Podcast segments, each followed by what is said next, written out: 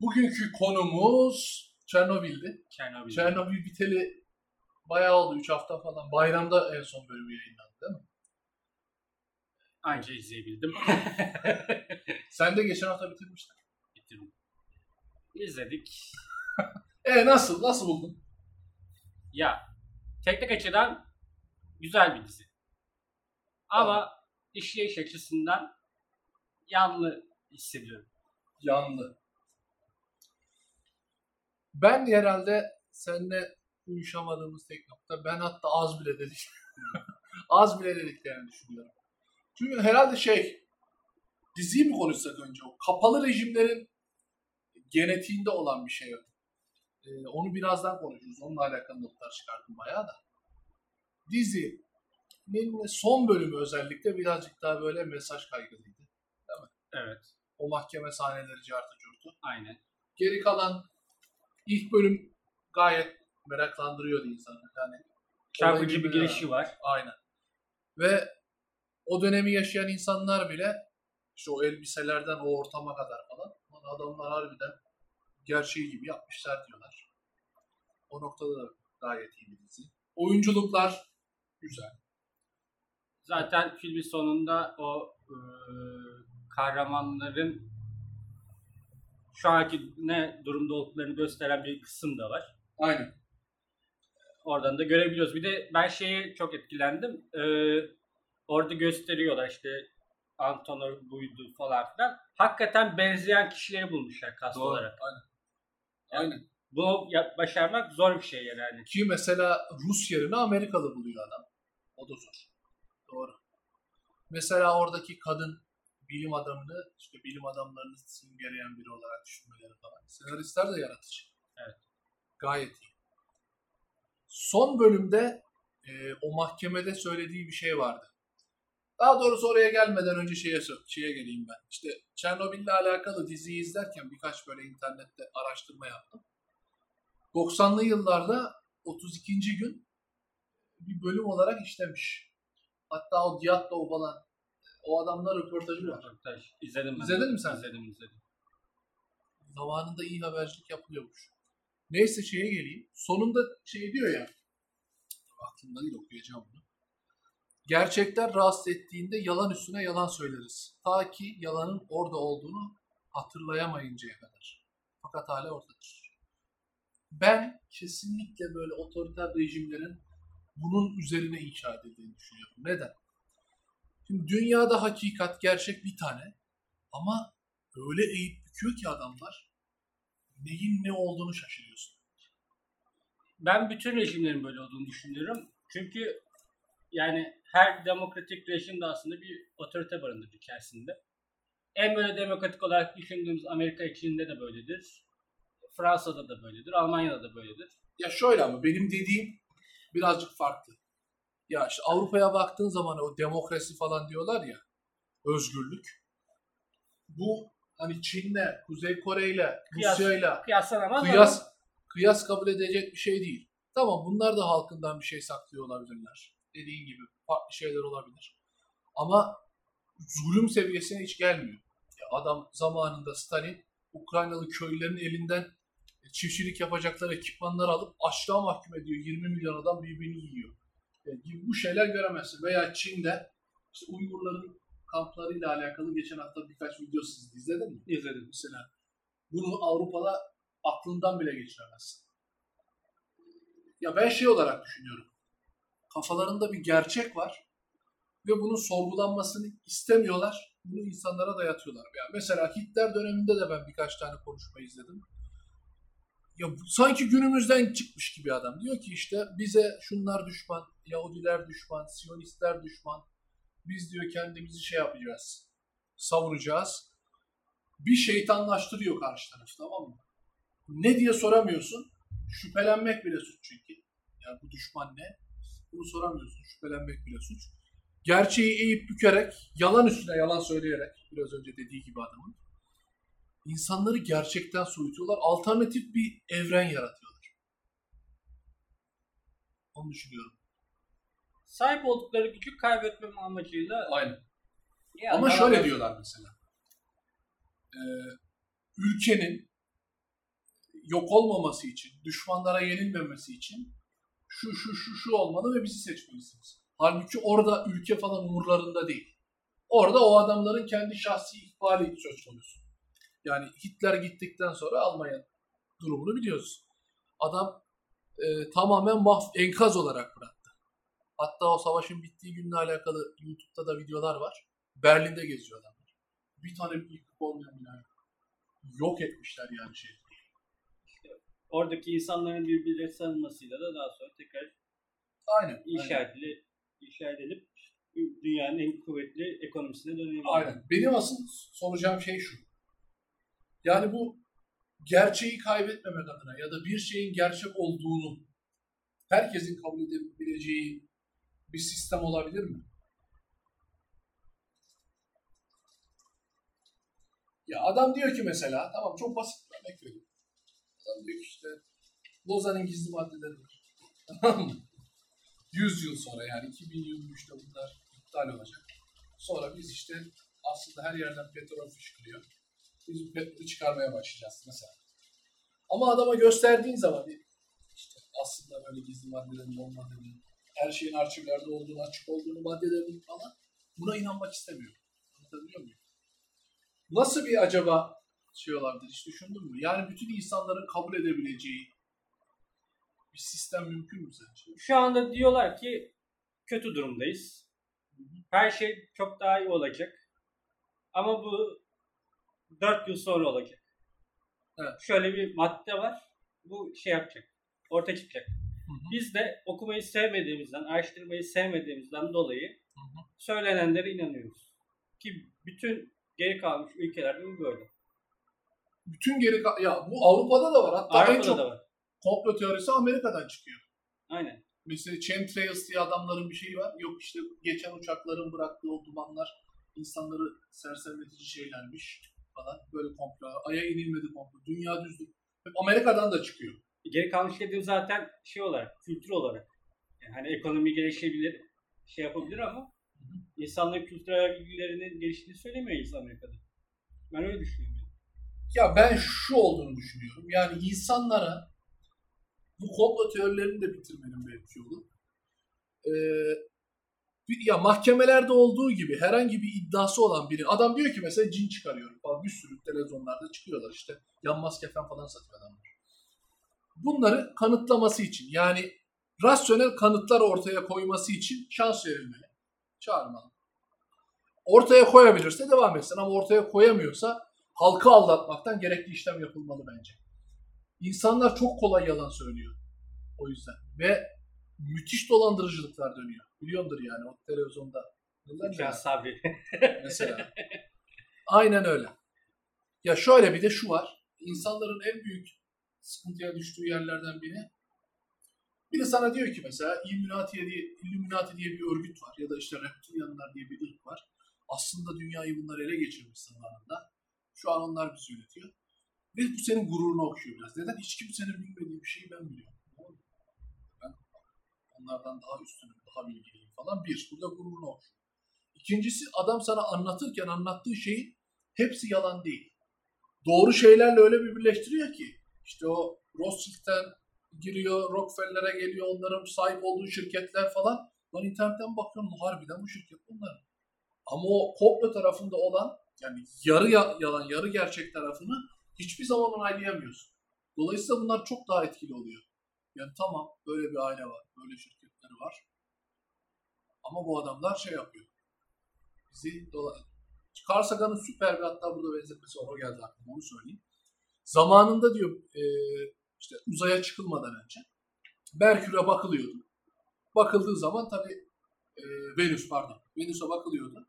Venüs'ün dışında karbon monoksitten e, şeyler var. Gaz. Bulutlar var, gazlar var. Çok sıcak bir yer. Tabii onu bilemiyorlar. Bulutları görüyorlar. Her yerde bulutlar kaplı. Daha sonra bilim camiasında şöyle fikirler oluşuyor. Diyorlar ki ya burada bulut varsa yağmur da yağıyor demektir. Tamam. Yağmur yağıyorsa bataklıklar da vardır. Tamam. Bataklıklar varsa, su varsa, bilmem ne varsa burada canlılar da vardır. Hatta bataklıklar çoksa burada yaşayan hayvanlar da vardır. Ta dinozorlara kadar gidiyorlar. Carl Sagan süper bir çıkarım yapıyor. Diyor ki Bir, elimizdeki e, veri Merkür'e bakıyoruz ve bulutlarla kaplı. Çıkarım bataklıkta yaşayan dinozorlar. Anladın mı? O kadar nasıl ilerleyebiliyorsun? Hani elinde veri yoksa, kanıt yoksa bir yerde durman lazım. İşte durmuyoruz. Ya benim biraz önce sana sorduğum sorunun kendimce cevabı şu. Bence dünyada bilimsel yöntemden başka bilgi edinme yöntemi yok. Bence değil, yok yani. Biri çıksın karşıma desin. Yok. Dolayısıyla her şeyi bu şekilde araştırmalıyız. Bazıları diyor ki ya işte metafizik ne alakası var bilimle bunlar şey. Olabilir. Mesela ya adam diyor ki e, yine oradan gelelim. Uçan adam sana bir örneği. Tamam, ben uçuyorum. Şahitlerim var. Bu metafizik bir iddia olsa bile gayet bir deneyle gösterdiler de. Gözlemlenebilecek bir şey. Her şey öyle. Ya mesela adam diyor ki işte cinler var. Ben konuşuyorum. Çok basit gözlemlenebilecek bir şey. James Randi diye bir sihirbaz vardı Amerika'da. 2016 yılı, şu an çok yaşlı. 2016 yılına kadar e, onun bu tarz mistik şeyleri kanıtlayana bir ödülü vardı. 1 milyon dolar. Kanıtla kardeş. 1 milyon dolar al. Böyle bir sürü adamı e, şebek etmişliği var. Hatta yürügeller falan vardı sen hatırlarsın muhtemelen kaşık dikiyorlardı. O adamları falan neler yaptı yani adam. Dolayısıyla ben bunların hepsini aynı bok olarak görüyorum. İnsanların e, anlayamadığı şeylere inanması. Aynen. İnanması. Kanıtlamaya çalışmam. Uğraş, uğraş, Hiç uğraşmıyorlar. Hiç, aynen öyle. Ya, dinler de bunun içinde. Gerçeği kaybettikten sonra zaten hepsi çorap söküğü gibi geliyor. Ya bir gerçek yoksa elle tutabileceğimiz, bizim her tarafımızdaki düşmanlar işte bizi yok etmek için şöyle gizli masalarda, gizli odalarda planlar buna da inanırsın. Niye inanmıyorsun ki? Veya işte aslında biz süper bir ülkeyiz. Süper icatlarımız var. Her yerden petrol gaz fışkırıyor ama bunu çıkarttırmıyorlar. Buna da inanırsın. Her şeye inanmaya başlıyorsun çünkü sorgulama yetini kaybetmişsin. Teori nedir? O biraz karışık. Şimdi şuradan geleceğim.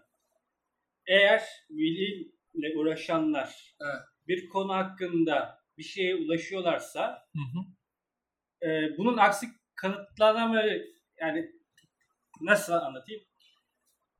Net kanıta ulaşamıyorlar. Evet. Ama aksini de bulamıyorlar ve bu teori olarak kalıyor.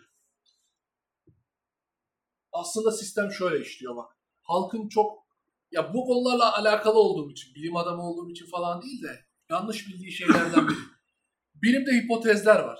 Sen diyorsun ki ya mesela şu vantilatör nasıl çalışıyor? İşte elektrik motorunun çalışma prensibiyle alakalı bir teori atıyorsun ortaya. İşte o manyetik sistemle. Ve onu bir teste tabi tutuyorsun. Tamam mı? Eğer o testten geçerse farklı düzenekler daha oluşturuyorsun. Bunu bir teoriye çeviriyorsun. Evet. Değil mi? Şimdi teoriyle yasa olarak böyle farklılıklar olduğunu düşünüyor insanlar ama aslında öyle değil. Mesela yer çekimi teorisi mi yasası mı? Yasası olarak Yasası. diyorlar. Neden? Çünkü kesin kanıtlanmış. Aslında bilimde öyle bir şey yok. Bilimde yasalar şuna deniyor. Biz bir şeyi görüyoruz tamam mı? Bir nesneyi bıraktığımız zaman düştü. Bu yasa. Yani gözlemlenen doğa olayları. Veya evrim de aslında bir teori değil o manada. Bakıyorsun gerçekten türler değişiyor. Tamam. Bu bir yasa. Evrim yasası. Ama bunu bilimsel olarak açıklarken teorileri kullanıyor işte. Mesela yer çekimi tamam bir şeyleri yer çekiyor. Bunun teorisi işte Newton'la uzaklığın karesiyle ters orantılı çekme. Teori şey demek değil. Yani adam bir uykuya daldı, aklına bir şey geldi. Al sana teori attım orada. Bu teori değil. Onun bir şekilde kanıtlaması lazım. Aynen. Ve bilim şöyle işliyor. Bence en önemli prensibi bu bilim filozofları var. Çok meşhur. En meşhuru da Karl Popper'dır. O yanlışlanabilirlik ilkesi diye bir şey getiriyor bilime. Diyor ki biz bilimde kesin olarak hiçbir şey bilemeyiz zaten. Ama yanlışları eleriz. Dolayısıyla ben bir deney dizayn ediyorken doğrulamak için değil, yanlışlamak için dizayn etmeliyim. Çünkü zaten doğrular. Bir sürü şeyi doğrulayabilirsin yani saçma sapan. Ama yanlışlanabilir şeylere önem vermen lazım. İşte o şekilde doğrularsa da az önce geldiğimiz Aynen. konuya dönüyoruz. Ya aynen adam bakıyor. Ay Rothschild ailesi diye bir aile var. Ha, doğruladım. Allah Amerika Amerika'da yaşıyor. Bak, Doğrulayabilirsin bunları. Evet. Ama yanlışlanabilir olarak gittiğin zaman Bir yerde tıkanırsın. aynen. Bir yerde Dolayısıyla insanlar inanmaya daha niyetli oldukları için araştırmıyorlar. İnsan psikolojisi çok acayip ya gerçekten. Şimdi bu Milligram, Stanley Milligram diye bir adam var Yale Üniversitesi'nde 71 olması lazım. Ya bu Hitler'i vesaire bu Adolf Eichmann davasını falan takip ediyor. Bakıyor ki yani insanlar çok gözlerini kırpmadan gayet normal insanlar. Yahudileri fırınlarda yakmışlar, insanlara soykırımlar yapmışlar. Ve sorumluluğu da kabul etmiyorlar. Yani diyorlar ki işte o söyledi. Amirim bana emir verdi tarzında şeyler söylüyorlar. Bunu bir araştıralım diye bir düzenek ortaya atıyor. Düzenek şu. Düzeneğe katılacaklara diyor ki biz diyor acının öğrenmeyle alakalı ilişkisini test edeceğiz. Sen bilmiyorsun. Ve cam, karşıda bir cam var önünde. Arkasında bir insan var. Her tarafın elektrotlar bağlı. Ve e, işte katılacak, deneye katılacak kişi camın öbür tarafında ve ona ne yapmasını e, ne yapması gerektiğini söyleyen bir öğretim üyesi var. Aslında o elektrotlarda elektrik falan yok. Tamam mı? Başlıyorlar işte 5 volttan atıyorum. Yavaş yavaş yükseltiyorlar. Şimdi belli bir volttan sonra 75-100 volttan sonra karşı taraftaki camın arkasındaki bağırmaya başlıyor. Yani acı çektiğini hissettiriyor. Ee, ama bu taraftaki öğretim görevlisi yani yapmamız lazım diye ona söylüyor. Hani bir daha arttıralım. Ve 650 volt en üst sınır. 650 volta 100 kişiden kaçı çıkıyor biliyor musun? Büyük bir çoğunluk. %65. Bunu miligram testi yapmadan önce psikoloji öğrenciler arasında bir anket düzenliyor. Böyle bir şey yapsak. Hani 100 kişiden kaç kişi çıkar? 650 oldu. Yüzde bir falan bir deli çıkar diyorlar. Tamam mı? Ama deneyi defalarca tekrar ediyorlar. Yani insanlarda iki türlü şey var. Bir, çevreye uyum. Hatta bununla alakalı bir deney daha vardı. Onu da söyleyeyim, devam edeyim. Görmüşsündür televizyonda falan da. Hani üç tane çöp çekiyorlar. Tamam mı? Böyle üç kişi var karşılarında. İkisi aynı ekipten. Bir tanesi e, deneyi yapılan adam. Bariz biri uzun. Hangisi uzun diyorlar. O ikisi diyor ki uzun olan değil de diğerlerinden Yani. birini seçiyorlar. Ve diğeri de onu seçiyor. Yani görüyor onun uzun olduğunu anlatabiliyor muyum? Yani çevresinden, sosyal şartlarından bir. Çok ciddi etkileniyor. Ve e, emir almaya böyle garip bir isteği var yani baskısı. Onu dışına çıkanlar da herhalde lider oluyorlar. Heh, Mesela bak çok süper benim o miligram deneyiyle alakalı aklımda kalan en önemli şey şu. Eğer mesela iki kişi yaptırıyorlar bunu. Bir tanesi o elektriği verenlerden bir tanesi asistan. Belli bir volta geldiği zaman yapmayacağım ben diyor amirine. Böyle yapıldığı zaman 650 volta çıkanların sayısı %10'un altına düşüyor. Ha, etkileşim. Aynen. Yani kral çıplak mevzu anladın mı? Ortada bir yalan dönüyor. Bir kişi çıkıyor diyor ki kral çıplak ve bütün insanları etkiliyor aslında. Çok önemli bir şey. Garip. Değil mi? İnsan psikolojisi çok garip. Ve orada şeyi de görüyorsun mesela. Hani o davalarda insanların niye böyle yaptığını. Çünkü onun ahlaki sınırları içinde falan değil. İnsan olarak bile görmüyor belki. Yani o işini yaptığını zannediyor. Anlatabiliyor muyum? Onlar da normal insanlar belki. Hani biz böyle canavar falan değiller yani. Karşımıza alsak belki normal insanlar onlar da. Durumun e, hararetinden etkilenerek bilmiyorum düş, e, özgür düşünce yeteneğini kaybediyorlar. Aynen. Ya mesela bu özellikle otoriter ülkelerde çok fazla böyle polisin askerin içinde.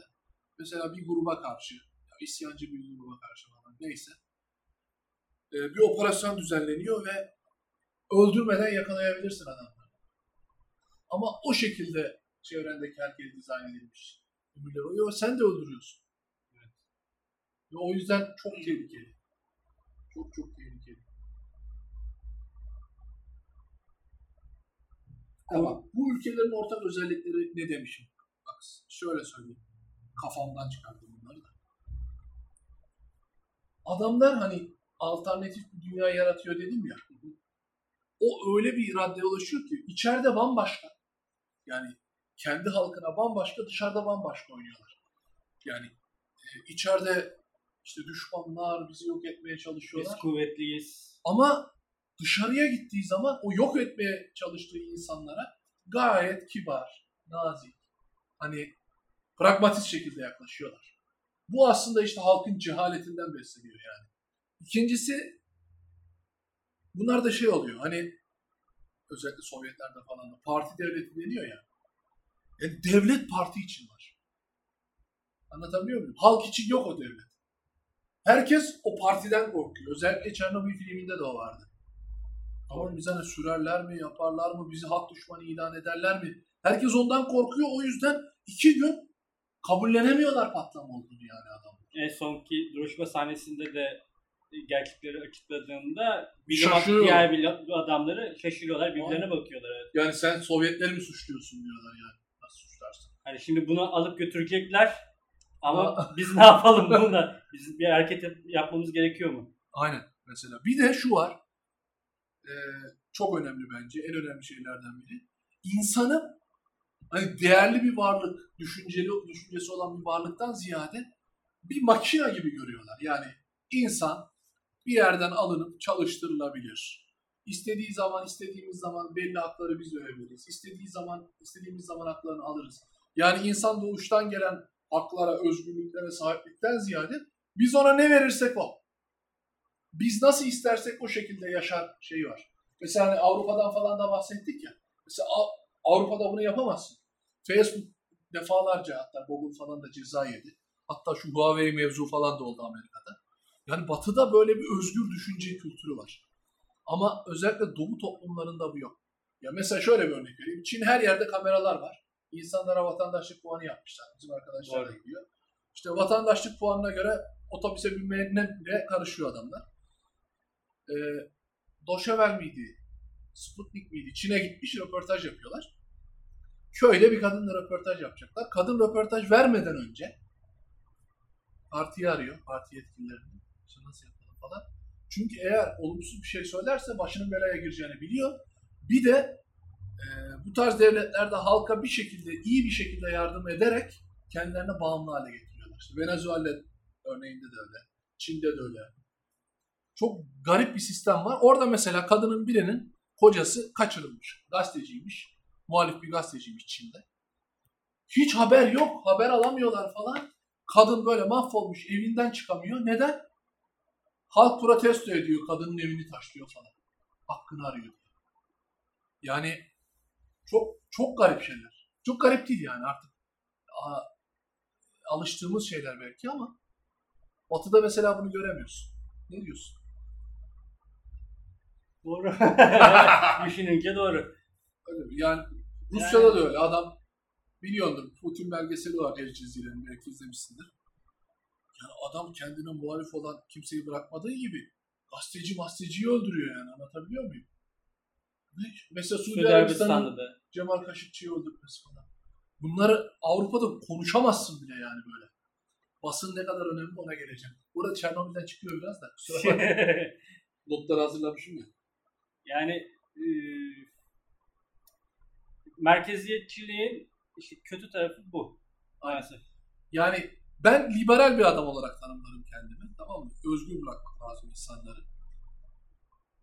Devlet sadece bir denetim mekanizması olarak insanların üzerinde olmalı. Ama bu tarz e, merkeziyetçi devletlerde devlet kendini tanrı yerine koyuyor. Anlatabiliyor muyum? Her şeye karışırım. Her şeyi yaparım. Siz beni yaşatmakla yükümlüsünüz. Liberal ülkelerde Avrupa haricinde de o ipin ucu da kaçıyor. Mesela ne oluyor? Bence de öyle de. Onu, onu konuşalım biraz. Yani e, ipin ucu kaçıyor. Bir düzenleme getirmeye çalıştıklarında sen benim özgürlüğüme müdahale ediyorsun. Kesinlikle. Bak, güzel bir yere, güzel bir yere. Durumuna geliyor ama senin özgürlüğün yani ilkokuldan beri öğrendiğimiz başka bir şeyin Aynen. özgürlüğü, başka birisinin özgürlüğünü kısıtlıyor. Ya mesela bu sermayenin dağıtılma mevzu tamam mı? Adam hani para parayı çeker diyorlar ya Türkiye'de. Adam öyle bir noktaya geliyor, o kadar zengin oluyor ki tamam mı? Şimdi Amerika olarak atıyorum. Sen bu şirketten birazcık fazla vergi almaya kalksan ben kaçıyorum kardeş diyor. Ben Aynen. Hindistan'a gidiyorum. Bu Hindistan sırf onu çekebilmek için mesela çok düşürüyor vergileri. Fakirin ağzına sıçıyor. Tamam mı?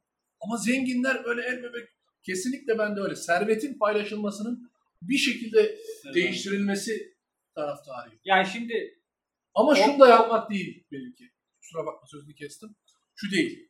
Ee, yani isteyen istediği gibi ticaret yapamaz kardeşim. Bizim kurallarımız var. Komünist devletler bunu yaptı zamanında. Gümbür gümbür gittiler. Mesela hani e, Sovyetler yıkıldığında insanların evi vardı. Yani çok cüzi bir kiralı evleri vardı. Yiyeceklerini resmen devlet veriyordu. Sosyal pek çok şey bedavaydı. Araba alabiliyordun falan. Ama insanlar isyan ediyordu. Yani insanlar ölüm pahasına Berlin duvarından atlıyorlardı mesela. Neden? Çünkü e, özgürlük yoktu. Hani şey diyorlar, bir e, tartışmada izlediydim herhalde. Mesela muz yoktu. Her şey vardı, muz yoktu ama adam muz almak istiyor. Öyle bir şansı yok mesela. Bu yüzden adam e, komünizmin yıkılmasını istiyor. Komünizm veya sosyalizm mantıklı bir sistem gibi gözükse de ütopik bir sistem olarak. Çünkü insanların fıtratında bu yok. Çin'e mesela bakıyorsun yüzyıllarca böyle sırf bak geçmişte afyonu yasakladığı için İngiliz şirketleri e, Çin'e savaş açıyorlar. Yani e, koskoca ülke şirketlerle baş edemiyor. Tamam bunlar yanlış şeyler falan ama ben nereden geldim buraya şu an? Ben de bilmiyorum hatırlamıyorum. Ütopya olduğundan bahsediyordum. Yani insanın fıtratında bu yok. Çin mesela de yıllarca komünizmle yönetildi. İnsanlara işte verilmedi mülkiyat hakkı, özel mülkiyat hakkı falan. Ama insanlar böyle devlet ne kadar istiyorsa o kadar üretti. Ama sonra dediler ki kardeşim tamam buralar sizin. İstediğiniz kadar para kazanabilirsin. Şu anki Çin oldu işte. Ya sen de öyle. Mesela ben ya senin bir dükkanın alsa ölümle çalışırsın. Ama başkasının dükkanını işlettiğin zaman, işçi olarak çalıştığın zaman o performans sergilemiyorsun. Yani bu içgüdüsel bir şey. Hani bu bug'ı insanın. Anlatabiliyor muyum belki? Bir kişinin servetinin bir sınırı olması gerekiyor mu? Sence?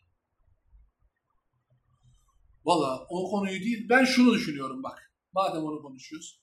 Bir, bir insan atıyorum 70 yıl boyunca yaşıyor. Hayatındaki parasının büyük bir kısmını bir ev almak için biriktirmemeli. Anlatabiliyor muyum? Benim en büyük e, sıkıntılarımdan biri bu. Benim değil, bütün insanların bence.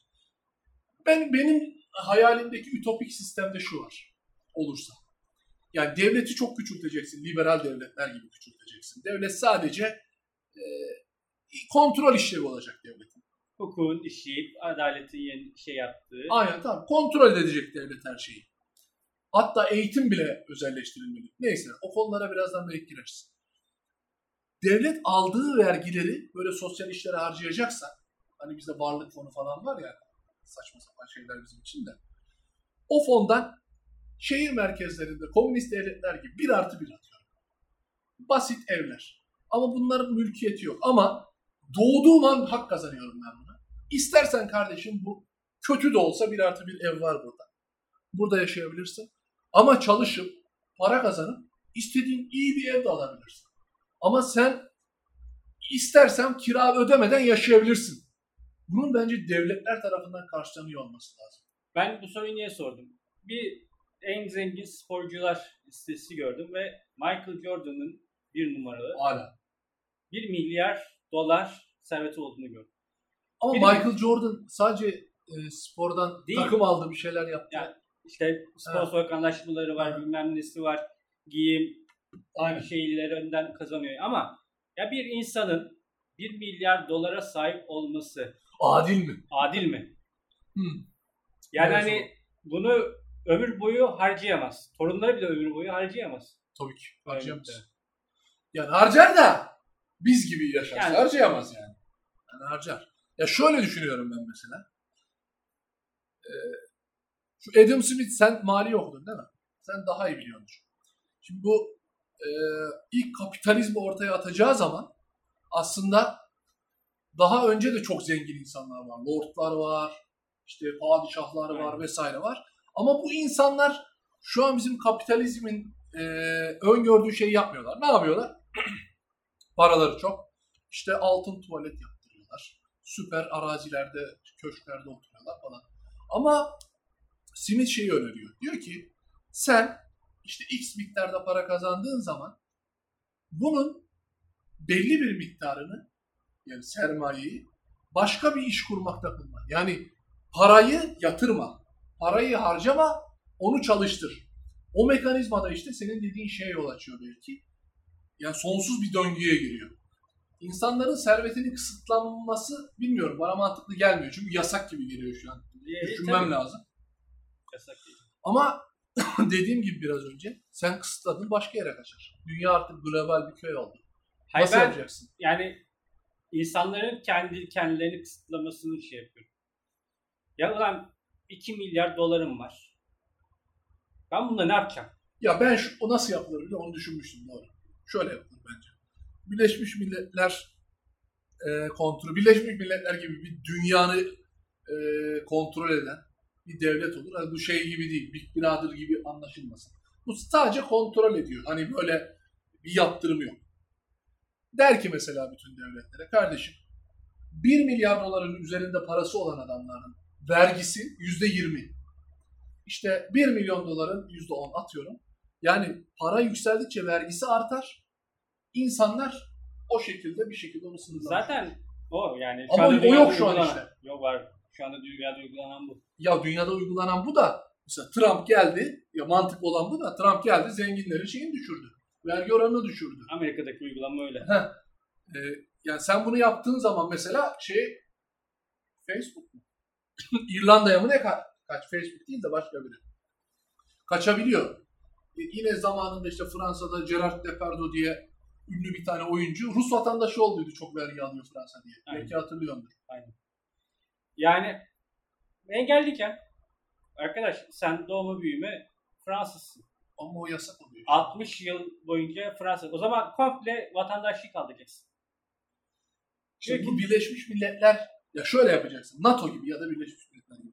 Sevgili kardeşim tamam bak bizim sistemimiz bu. Adil bir sistem olduğunu düşünüyoruz. Sen aç gözlüysen gidiyorsan işte Kuzey Kore gibi, Çin gibi bir yere gidebilirsin. Ama bir daha buralara giremezsin tarzında bir yaptırım olabilir. Anlatabiliyor muyum? Madem bizi istemiyor, bizden faydalanma denilebilir. Belki. Kesinlikle ya onu geç 1 milyar dolar nedir? Ne, ne paraları var yani adam. Tamam Bill Gates'in en zengin Bill Gates bir de Hintli bir zengin var ama onların sürekli yardım yaptığını biliyoruz. Evet. Adamı o şekilde harcamaya çalışıyorlar. Ama Ya ben de severim Bill Gates'i. Ama ya bitecek bir para değil anlatabiliyor muyum? Bitecek bir para. 20-30 milyar dolar nedir ya? Yani biri hesap yapmıştı bana 100 dolar 100 dolarlık banknotlarla 1 milyar dolar kaç kilo yapıyor diye. 40 ton mu ne yapıyordu? 40 ton bir kamyon yükü. ki bu adam çalışıp kazanmış, işini bitirmiş birisi değil. Çalışmaya devam ediyor, kazanmaya devam ediyor. Yani 20 Aynen milyar kapitalizm işte. Evet. Deva parasını katlamaya Kat- devam. katlamaya Çünkü devam. sermaye var. Mesela senin süper bir fikrin var. Çok yeteneklisin. Tamam mı? Ee, kafan da çalışıyor. Bir ticaret yapacaksın. Sermaye yok. Mesela bu adil adil değil aslında. elini boynunu büküp e, Kredi alacaksın. ya kredi alacaksın ya da o işi yapacak sanayiciye gideceksin. O da çok zor. Melek yatırımcı diyorsun. Çok zor. Ya şöyle, ben mesela insanların adil e, şartlarda yaşaması gerektiğini düşünüyorum. Yani ben 18 yaşına kadar bir komünist devlet gibi sağlık, eğitim falan bunları tamam tamam bedava olsun.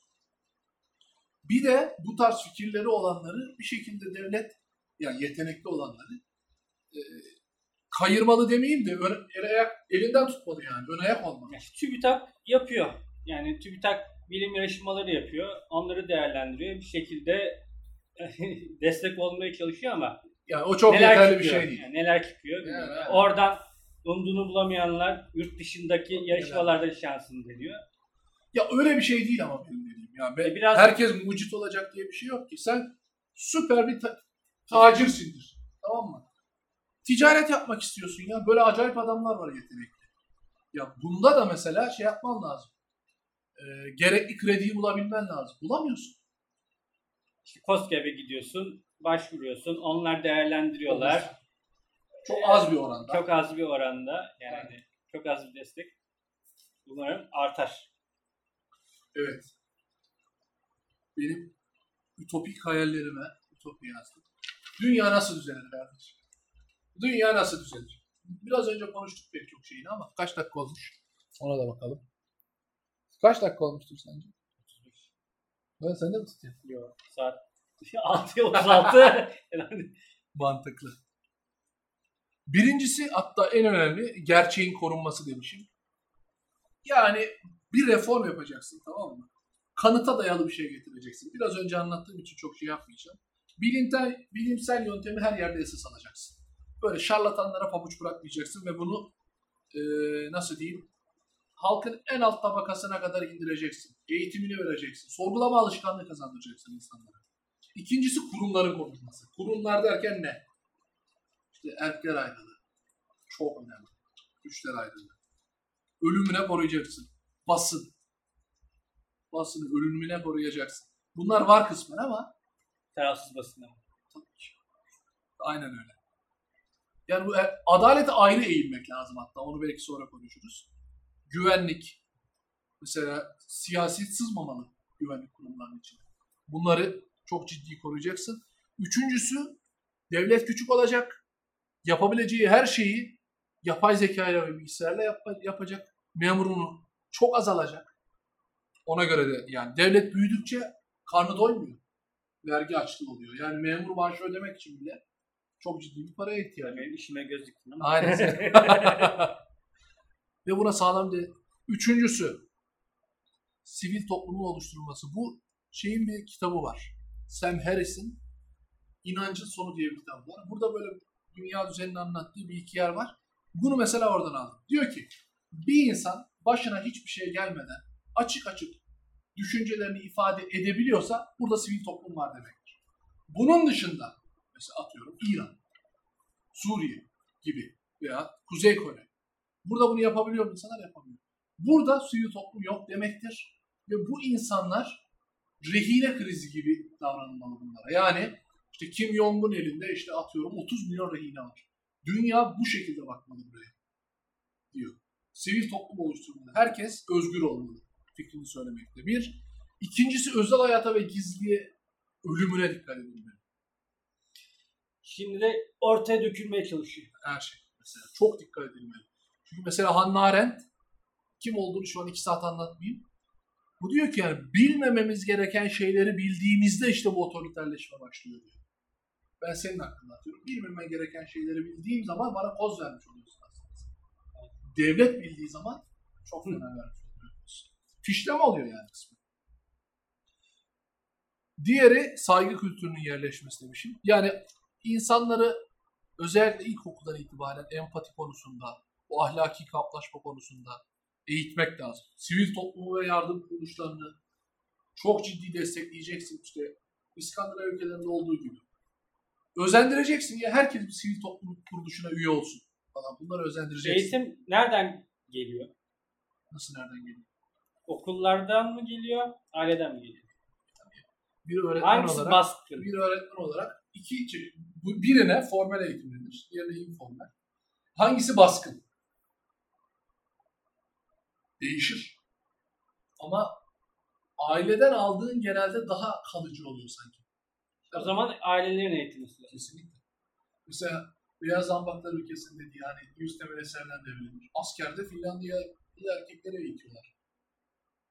Mantıklı. Son en önemli yer dünya hükümeti. Dünya hükümeti deyince böyle bize tepeden bakan Illuminati gözü falan değil. Yani bu bir denetim mekanizması gibi. Birleşmiş Milletler gibi bir şey. Mesela atıyorum seçimleri bu yapacak bütün ülkelerde. Ondan sonra adaleti yapay zeka ile bu sağlayacak belki. Hani o ülkenin kendine bırakmayacaksın. Yani bütün dünyanın konsensüsüyle oluşmuş, herkesin tamam dediği, oy verdiği adil bir sistemle yönetilecek.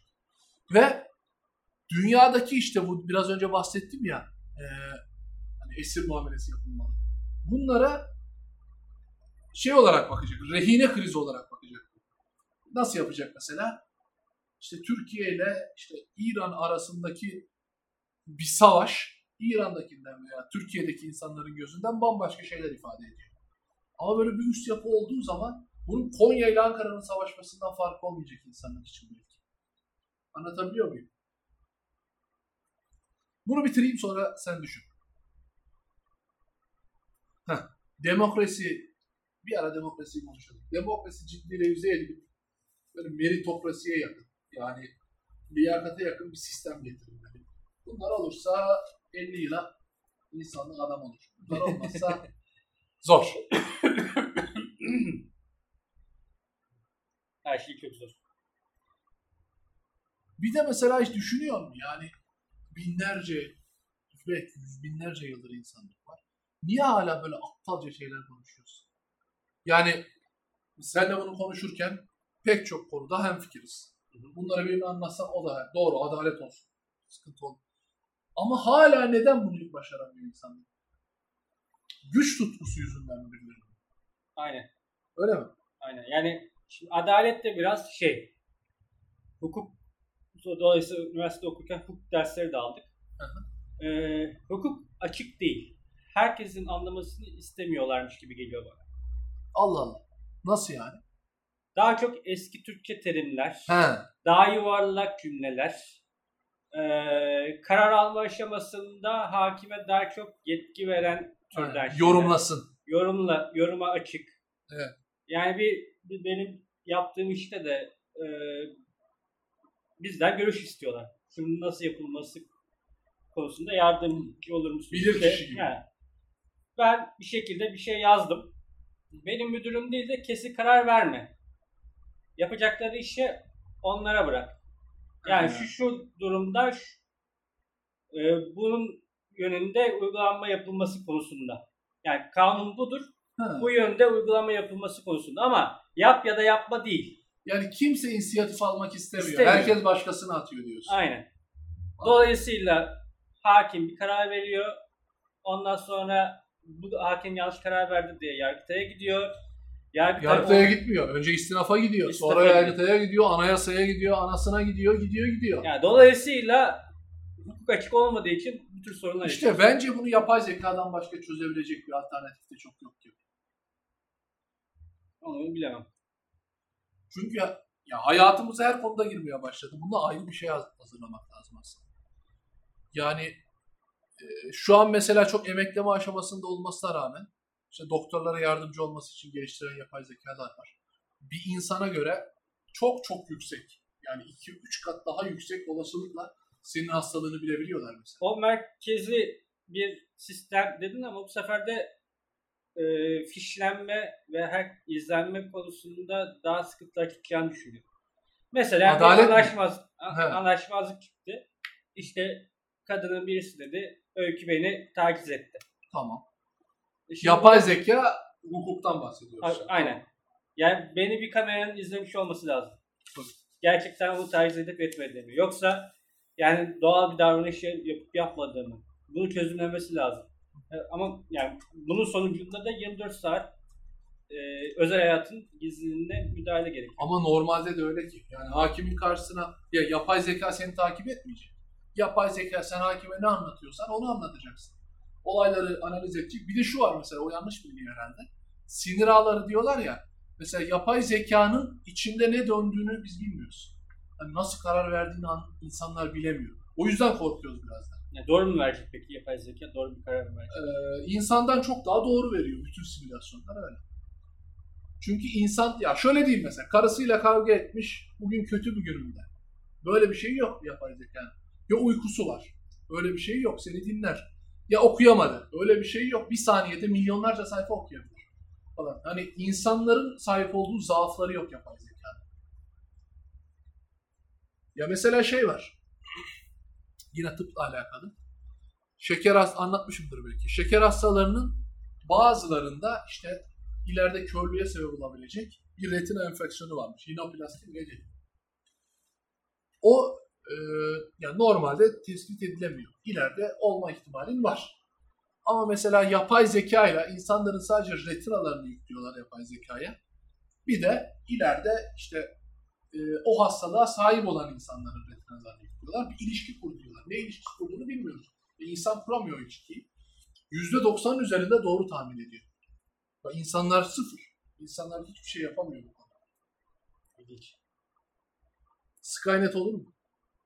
Bir gün insanlığı yok eder mi yapay zeka?